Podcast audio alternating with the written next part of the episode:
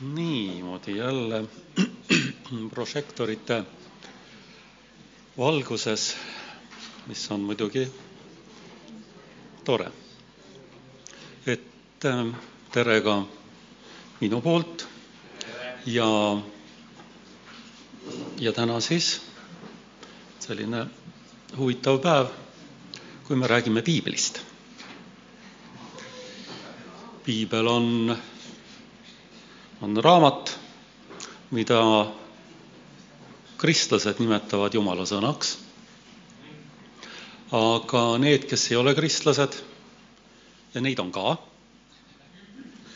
nii Eesti Vabariigi territooriumil kui ka mujal on neid. kindlasti, kindlasti on neid Lätis, Leedus, Poolas. et, et nemad suhtuvad sellesse raamatusse väga erinevalt. et on inimesi, kes ei ole piiblit lugenud ja nemad teavad kindlalt, et see on kohutavalt igav raamat. see on väga ammu kirjutatud ja, ja aeg on nii palju edasi läinud, et sealt pole mõtet midagi lugeda. mõned on natukene lugenud. ja, ja nemad ütlevad, et alguses võib-olla on päris huvitav, et seal loomislugu ja, ja Paabeli torni lugu ja, ja veeuputuse lugu ka ja aga pärast seda kisub kuidagi väga kraavi. et seal on mingisugused lehekülgede kaupa suguvõsade nimekirju või kui palju inimesi kus, kuskile läks ja kui palju sealt pärast tagasi tuli ja ja et see on üks väga-väga kummaline raamat. mõni ütleb, et piibel on ajalooraamat aga ajalugu selles on vale. sest et seal on ju öeldud, et äh, maailm loodi kuue päevaga ja see ei ole võimalik. ja loomulikult ei ole see võimalik. ja, ja tegelikult ega piibel ei ütlegi meile, et maailm loodi kuue päevaga. kuue kahekümne nelja tunnise päevaga. sest esiteks, me ju ei tea kui palju aega jäi loomise alguse ja esimese päeva vahele. kui sa tähelepanelikult loed, siis seal võib olla väga palju aega, miljon aastat, miljard aastat, kümme miljardit aastat, kolmteist koma seitse, kaheksa, me ei tea seda, seda ei öelda meile. ja teiseks, mille järgi me arvestame aegu ja tunde ja päevi ja aastaid, päikese ja kuu järgi ja need loodi neljandal päeval. enne seda me ei saa isegi ju rääkida kahekümne nelja tunnisest päevast. piiblit ei saa lugeda nagu juturaamatut. täpselt samamoodi nagu juturaamatut ei saa lugeda nagu piiblit. Eestis on üks raamat, mis nende jaoks kelle jaoks piibel ei ole oluline, justkui piiblit asendab. see ei ole paha raamat. tõde ja õigus. tõde ja õigus on väga paljude jaoks väga oluline raamat ja üks, kasutame siis sellist väljendit, salm Tõe ja õiguse viiendast osast on saanud piibellikud mõõtmed. ma ei mäleta peatükki ja lehekülge. tee tööd ja näe vaeva, siis tuleb ka armastus. ja tundub, et see on tegelikult väga õige mõte. tee tööd ja näe vaeva, siis tuleb ka armastus, aga nagu me teame, Janek on sellest rääkinud ja Heigo võib-olla isegi rohkem, et piiblit tuleb lugeda kontekstis. aga vaatame siis, milline kontekst järgneb sellele lausele, tee tööd ja näe vaeva ja siis tuleb ka armastus. edasi on öeldud niiviisi. sina oled teinud ja minu ema, siis Andresed räägivad, sina oled teinud ja minu ema tegi teda ka. ega ta muidu nii vara ei surnud, aga armastus ei tulnud, teda pole tänini Vargamäel. kontekstis vaadates see tee tööd ja näe vaeva, siis tuleb ka armastus, ei olegi võib-olla nii ilus ja nii püha, kui see meile tundub, eriti kui me paneme selle piibli konteksti. Mm, kui Paulus ütleb, et ma natukene sõnastan, on öelnud, et mida ma saan teile lubada, ainult verd, higi ja pisaraid.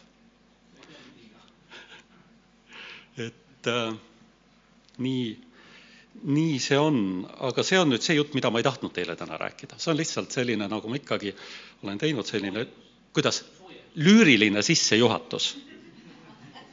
lüüriline sissejuhatus, no nagu Goethe Faustis on epiloog taevas lüüriline sissejuhatus. aga, aga minu tänase jutluse teema on ära jookse Jumalast mööda. Muidugi meie hulgas on väga kiireid jooksjaid.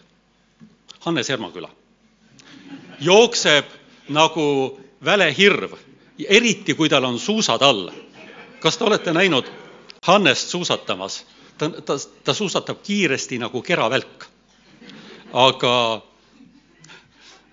aga ta ei tee seda jumalast kiiremini. meil on vähe aega, aeg on oluline.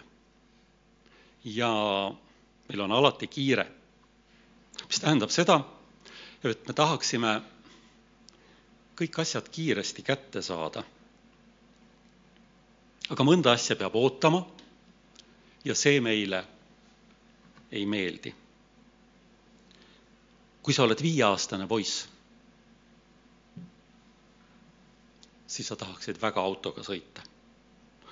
aga mida ütleb isa?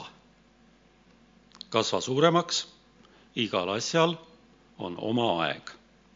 aga sa oled viieaastane, sa oled juba suur. aga ta ei luba. kui sa oled kaksteist, siis sa oled juba väga suur sa oled täiesti valmis autoga sõitma, aga isa ütleb ikka, ei ole õige aeg. aga miks ta nii ütleb, sa oled peaaegu sama pikk kui isa, sinu jalanumber on juba suurem kui temal, aga ikka ta ei luba sul autoga sõita. ta ütleb, igal asjal on oma aeg. aga ükskord, kui isa-ema ei ole kodus, sa leiad täiesti kogemata autovõtmed ja lähed sõitma ja juba esimesel ristmikul sa saad teada, et isal oli õigus. ei olnud, ei oleks pidanud minema, oleks pidanud veel natukene ootama. Iga laps teab, kui raske on oodata. sünnipäeva on raske oodata, jõule on raske oodata, õigust autot juhtida on väga raske oodata. tahaks kõik kiiresti kätte saada, aga see on täiesti vale õpetus, kui me ütleme, et lapsed ei oska oodata justkui täiskasvanud oskaksid. täiskasvanud ei oska ka oodata. täiskasvanud on sama kärsitud ja, ja tahavad kõik väga kiiresti kätte saada. ja, ja meie nii-öelda kristlikus maailmas on see ju igapäevane. sa loed piiblist, paluga teile antakse, sa palud, aga ei anta. Pole, täna hommikul palusin lõunaks, veel ei olegi palve vastus käes. milles asi on, mida ta endast mõtleb? ta on kirjutanud ise siia pühakirja, paluge teile antakse ja, ja nüüd mulle ei antagi. tegelikult on niiviisi, et jumalal on oma ajakava.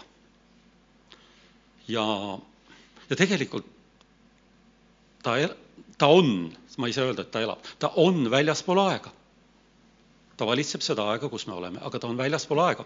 see tähendab seda, et tema jaoks Paulus on nüüd ja praegu, Jeesus tegutseb nüüd ja praegu, aeg tuha, tuhande aasta pärast on nüüd ja praegu, kõik aeg on kogu aeg olemas, meie justkui liigume lineaarselt minevikust tulevikku, kuigi ka meie jaoks on tegelikult ainult nagu luuletaja ütles, ei ole häid ega halvemaid aegu, on ainult hetk, milles viibime praegu. see on teaduslikult tõestatud. üks ähm, äh, Inglise füüsikateoreetik Julian Barbour kulutas oma elust kolmkümmend kuus aastat, et välja selgitada aja olemust. ja oma uurimistöö lõpuks ta ütles, sellist asja ei ole olemas. aega kui sellist ei ole olemas. see on tegelikult illusioon, mis avaldub meile liikumise kaudu. aega me mõõdame ainult liikumises. Sellepärast ongi niiviisi võimalik öelda, et Jumal on oma ajakava ja igal asjal on oma aeg. ja koguja raamatus on öeldud, koguja kolm üks, igale asjale on määratud aeg ja igal tegevusel on aeg taeva all. nii et igal asjal ja igal tegevusel on oma aeg. tavaliselt muidugi tsiteeritakse seda salmi matustel, aga see ei ole kaugeltki ainult matuste salm, see ütleb ju tegelikult, et igal asjal, igal tegevusel on oma aeg ja, ja isegi matustel ei pea see alati paika. ei oskagi öelda, kui tihti see matustel paika peab, kui öeldakse, et tõsise näoga, et nüüd oli tema aeg ja ta lahkus. aga kust me teame, et see oli tema aeg? sest väga paljud inimesed lahkuvad enne, enne õiget aega. erinevatel põhjustel ühel või teisel põhjusel. aga see ei ole päris see teema, aga, aga selle üle tasub mõelda. igal asjal on oma aeg, igal tegevusel on oma aeg.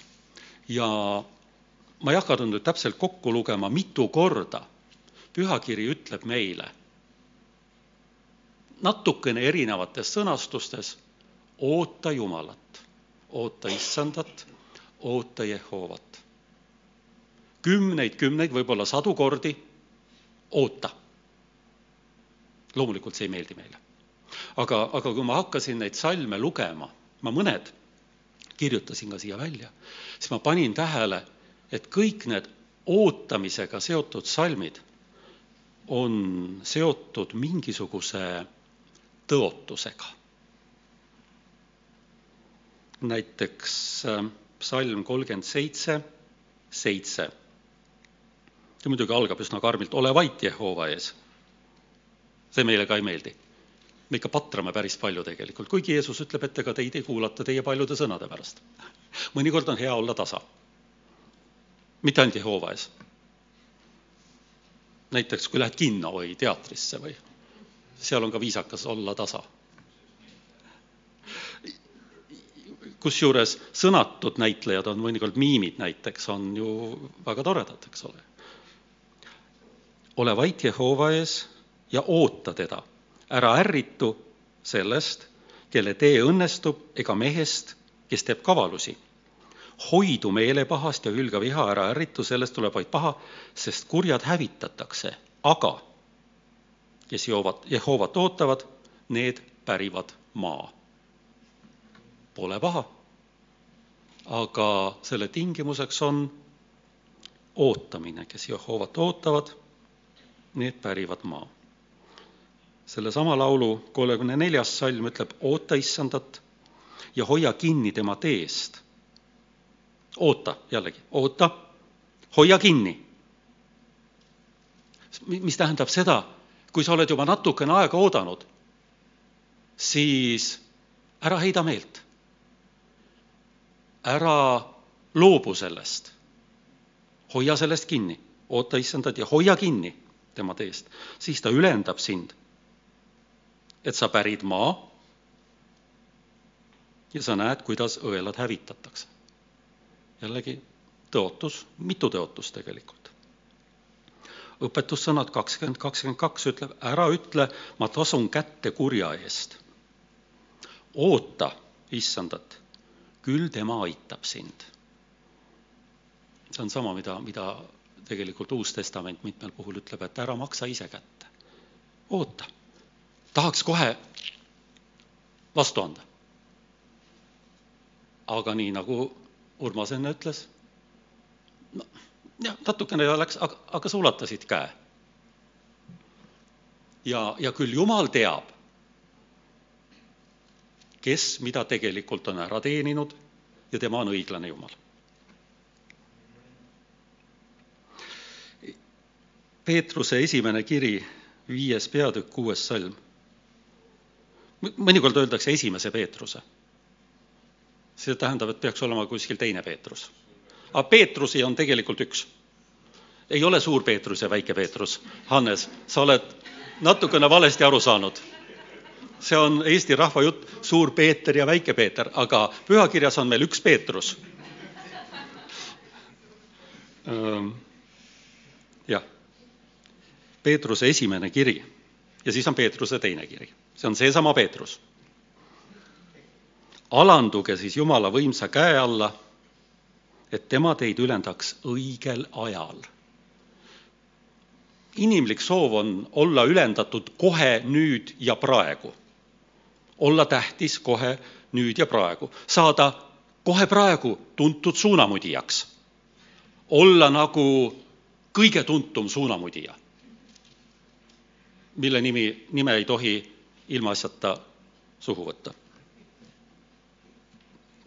aga oota, alandu Jumala vägeva käe alla. tema ülendab õigel ajal, teine tõlge ütleb omal ajal. Aga ikkagi see tähendab seda, et seda peab ootama ja üks väga praktiline näide on Luuka evangeeliumis. ja see on, see puudutab tegelikult väga paljusid, nii kristlasi kui ka mittekristlasi, aga tegelikult väga paljusid kristlasi. Luuka neliteist kaheksandast salmist, kui sind keegi on pulma kutsunud, siis ära istu ülemasse paika, sest vahest on tema poolt kutsutud keegi sinust aulisem. et see, kes sind ja teda kutsus, ei ütleks sulle, anna sellele aset et sa peaksid häbiga istuma alamasse paika. aga kui sa oled kutsutud, siis mine ja istu alamasse paika. ja kui tuleb see, kes sind kutsus ja ütleb sulle, sõber, mine sinna ülemale, siis on sul au nende ees, kes sinuga istuvad ühes lauas. sest igaüht, kes ennast ise ülendab, alandatakse ja kes ennast ise alandab, seda ülendatakse. ja selleks on oma aeg ja, ja see nõuab kannatlikkust. mul on üks tegelikult hästi kurb näide, ma seda nagu algusest lõpuni kõike ei räägi. aga lugu oli selline, et üks ähm, noor kirjanik kirjutas oma esimese raamatu. Ja ta saatis selle käsikirja, noh, kuna mina selleks ajaks olin juba päris mitu raamatut kirjutanud saatis mulle selle nii-öelda hindamiseks ja ülevaatamiseks ja ütles, et on sul nõuandeid, et, et see raamat parem tuleks. ja ma võtsin seda päris tõsiselt. ma lugesin selle läbi, tegin hästi palju parandusi ja, ja kirjutasin palju kommentaare juurde, mida rohkem esile tuua, mida vähem esile tuua. lugu oli väga hea. aga teostatud oli ta noh, natukene ligadi-logadi. ja ma tegin seda suhteliselt kiiresti, sest mulle tundus, et sealt võiks asja saada. ja, ja siis ma saatsin talle oma arvamuse tagasi koos parandustega ja ta vastas mulle aitäh, aga ma juba saatsin selle trükki. ta saatis selle trükki, lasi inglise keelde tõlkida, kohe ka e-raamatu teha väga suured reklaamikampaaniad järgnesid. korraks keegi kuskil isegi mainis seda ja, ja praeguseks on see täiesti kadunud. sest et äh, neid, kes raamatuid kirjutavaid on, kirjutavad, on väga palju. aga et natukenegi sealt välja paista, ei piisa sellest, et see on lihtsalt hea see peab olema väga hea. aga ta ei, ta ei jõudnud seda ära oodata. ja, ja sellised asjad toovad meie ellu äärmiselt palju pettumust. meile tundub ja, ja, ja selle kohta, nagu jumala sõna ütleb, et meie süda võib olla väga petlik.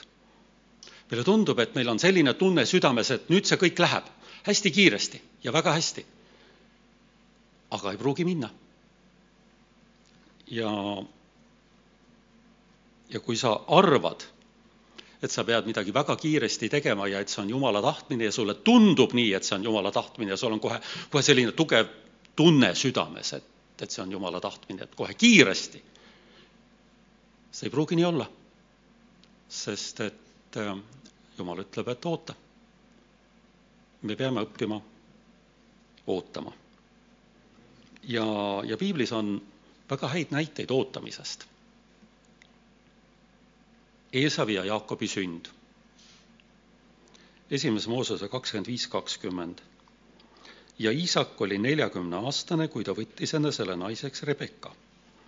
süürlase Petueli tütre Mesopotaamiast, süürlase Laabani õe. ja Iisak palus Jehovat oma naise pärast, sest see oli viljatu. ja Jehova kuulis ta palvet ja ta naine Rebecca sai käima peale, see on üks lause ja Iisak palus Jehovat oma naise pärast, sest see oli viljatu ja Jehova kuulis ta palvet ja naine Rebecca sai käima peale.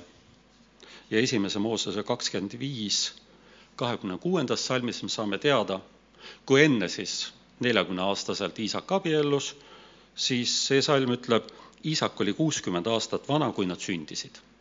kui lapsed sündisid, oli Iisak kuuskümmend aastat vana. ta ootas kakskümmend aastat nad ootasid kakskümmend aastat öö, äh, oma, oma lapsi. et äh, väga lihtsalt on öeldud, Jumal kuulis tema palvet. aga vastus tuli siis, tõenäoliselt siis, kui oli õige aeg. mitte siis, kui isak arvas, et on õige aeg, vaid siis, kui, kui oli Jumala plaan sest Jumal ütleb, et minu teed on kõrgemad kui teie teed ja minu mõtted on kõrgemad kui teie mõtted, see on ka piiblis kirjas muide. ja Abrahami lugu. täpselt samamoodi. Hebra kiri kuus viisteist ütleb ja nii Abraham ootas kannatlikult ning sai tõotuse kätte. Abrahami nimetatakse meie usu isaks ja üks omadus, mis tal oli, ta oli kannatlik ta pidi õppima kannatlikkust ja, ja lõpuks ta sai ka selle, äh, mida Jumal oli talle tõotanud, aga see asi on, see lugu on palju keerulisem. Iisaki sündimine, Iisak, tõotatud poeg. see on seesama Iisak, kes Eesavi ja Jaakobi sündi ootas kakskümmend aastat. Iisaki sündi tõenäoliselt oodati veelgi kauem. jumal oli Aabrami kutsunud ja, ja lubanud temast teha suure rahva. Ja sellest on juttu esimeses Moosese raamatu kaheteistkümnendas peatükis, kui sulle öeldakse, et ma teen sinust suure rahva, siis suure tõenäosusega peaks sul olema vähemalt üks laps, kellest siis see rahvas tuleb. aga neil ei olnud, Abramil ja Saarail, tema naisel, ei olnud last. Nad olid saanud juba üsna vanaks ja lapsi ei olnud. Ja Saara, Saara otsustas probleemi lahendada. see on nüüd see koht, kus ootamise mõttes kannatus katkes ja perenaine otsustas asja võtta enda kätte.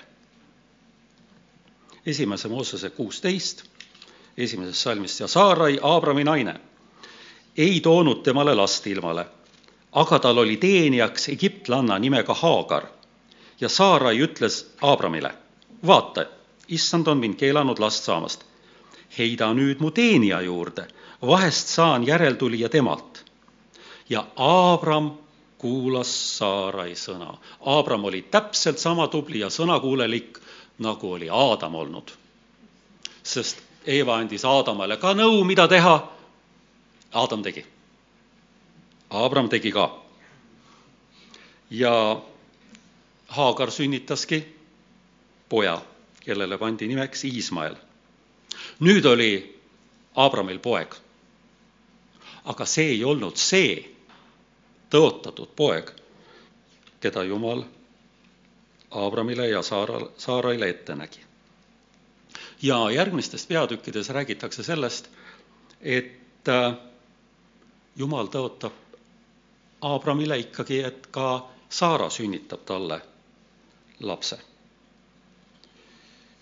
ja siin toimuvad vahepeal väiksed nimemuutused, äh, need on tegelikult põhimõttelised muutused, mis tähendab, tähendavad staatuse muutumist, lihtsalt Abramist kui noh, suguvõsa vanemast, suurest suguvõsa isast saab paljude rahvaste isa. mis vahe on siis Abramil ja Abrahamil? ja, ja neil on siis nüüd seal ka Iismael. aga Jumal tõotab, et, et äh, Saara sünnitab ka lapse ja esimese Moosese seitseteist, seitseteist on öeldud niiviisi. siis Abraham heitis silmili maha kujutage ette seda pilti. jumal tõotab, tõotab, et Saara sünnitab sulle lapse. Abraham heitis silmili maha, naeris. See pidi Abrahamile tunduma ikka üsna naljakas. kui ta viskas ennast kõhuli maha ja naeris ja ütles oma südames, kas peaks sajaaastasele poeg sündima või peaks üheksakümneaastane Saara sünnitama. ja Abraham ütles Jumalale, kui ainult Iismaelgi sinu ees jääks elama. tähendab, Abraham justkui leppis sellega, mis tal oli ja, ja, ja tegelikult oli valmis Jumala tõotusest loobuma. Ja, ja üheksateistkümnendas salmis on öeldud, siis ütles Jumal siiski, su naine Saara sünnitab sulle poja ja sa pead panema temale nimeks Iisak, ma teen temaga lepingu, igaveseks lepinguks tema soole pärast seda. ja vahepeal veel tulevad Abrahamile ja Saarale inglid külla, seal on öeldud, et kolm meest tulid neile külla ja ütlevad ka, et, et Saara saab lapse. Ja esimese Moosese kaheksateist, üksteist on öeldud niiviisi. siin antakse veel Saara füüsilisele tervisele väga selge diagnoos, mis näitab, et inimlikult on see võimatu aga Abraham ja Saara olid vanad ja elatanud. Saaral oli ka lakanud olemast see, mis muidu naistele on omane. ma ei hakka selgitama, vaadake pärast raamatust või guugeldage, saate, saate teada, mis siis on omane. ja Saarat ajas ka see jutt lapse saamisest naerma. ja need mehed ütlesid, aga Jumalal ei ole mitte miski võimatu ja esimese Moosese kaheksateist kolmteist Jehova ütles Abrahamile, miks Saara naerab ja ütleb, kas ma tõesti peaksin sünnitama, kuna ma olen ju vana. kas peaks Jehoval midagi olema võimatu? ma tulen su juurde tagasi aasta pärast samal ajal ja Saaral saab olema poeg. Ja esimese Moosese kakskümmend üks on sellised sõnad ja Jehova hoolitses Saara eest nõnda, nagu ta oli lubanud Jehova toimis Saaraga nõnda, nagu ta oli öelnud. Saara sai käima peale ja tõi Abrahamile poja ilmale ta vanas eas, määratud ajal, millest Jumal temaga oli rääkinud. mitte sel ajal, kui nemad arvasid, vaid määratud ajal, mis oli siis Jumala tahtmine. et äh, mõnikord meile isegi tundub niiviisi, et, et äh, Jumal on huvitatud meie elus mõningatest asjadest no näiteks sellest, et me kirikus olles ja head välja näeme ja, ja oleme pühad, aga nendest igapäevaelu asjadest ta nagu noh, et ei huvita, aga tegelikult tuleb välja, et Jumalat huvitavad kõik asjad. ja väike arvutus näitab, et Abraham ja Saara ootasid oma tõotatud poega vähemalt kakskümmend viis aastat. Sest Abraham oli seitsekümmend viis, kui Jumal lubas temast teha suure rahva ja esimese Moosese kakskümmend üks viis on öeldud, et Abraham oli Iisaki sündimise ajal sajaaastane. nii et vähemalt kakskümmend viis aastat, aga, aga tõenäoliselt isegi rohkem. et kõik lõppes justkui hästi. üks poeg oli, kes oli Iismael, ja siis oli tõotatud poeg, aga tegelikult see võib-olla ei oleks pidanud niiviisi minema. üks väga oluline probleem,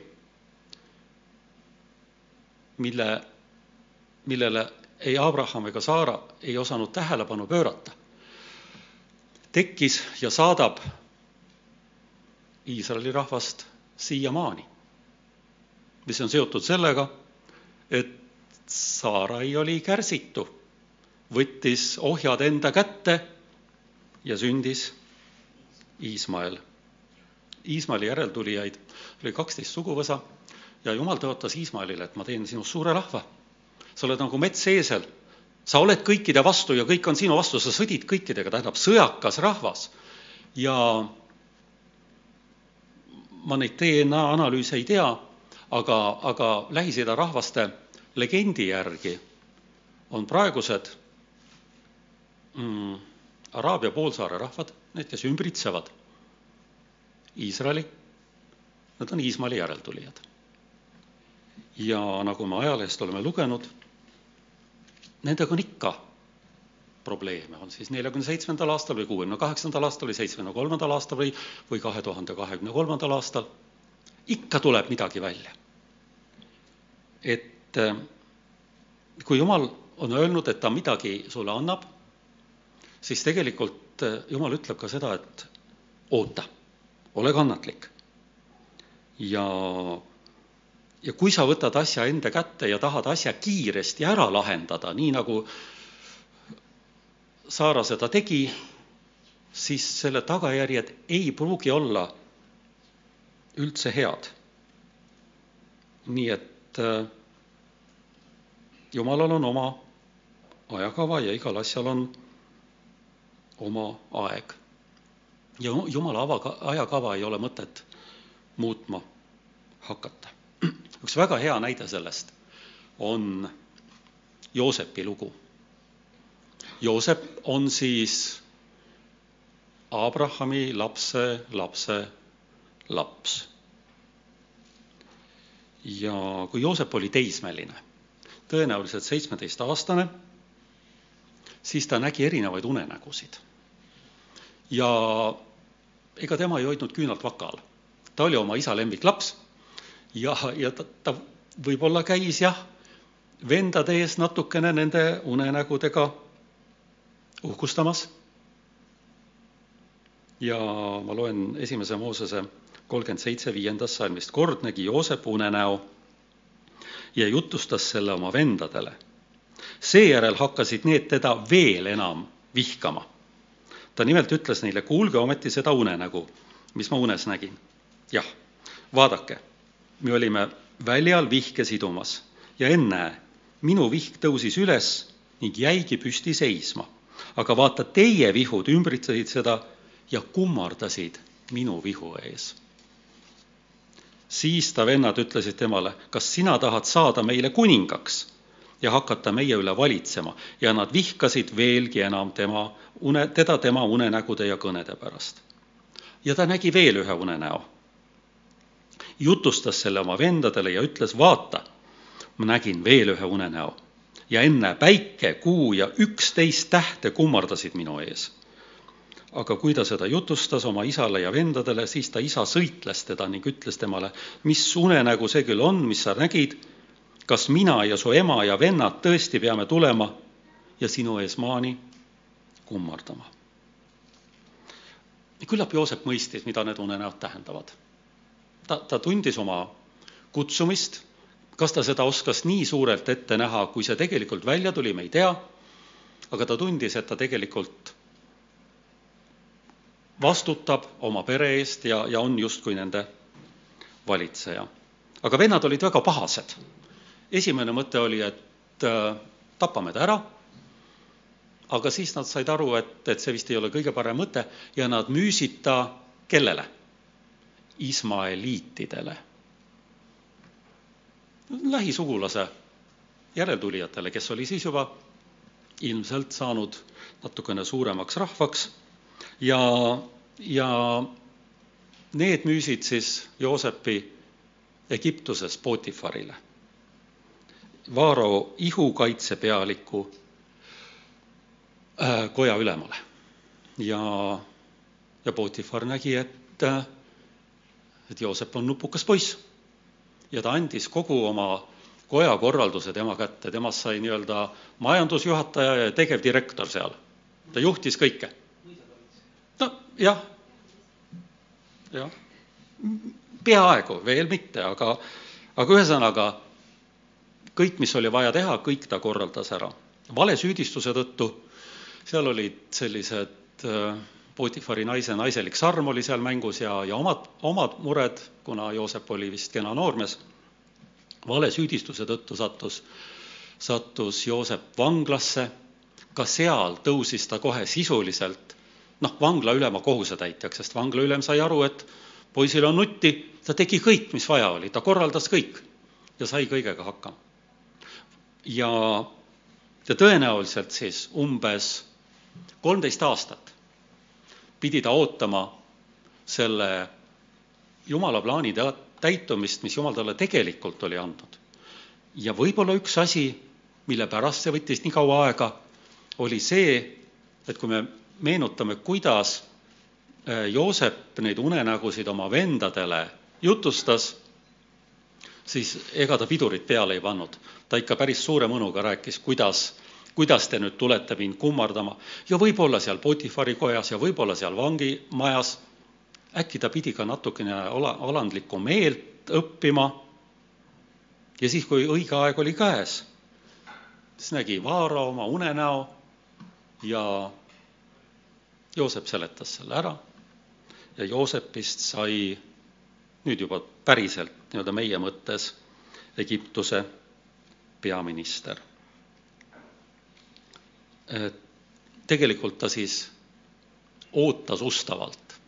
ja kõikides nendes rasketes olukordades, mida ta ootamise ajal tegi, ta täitis ustavalt neid ülesandeid, mis talle olid antud.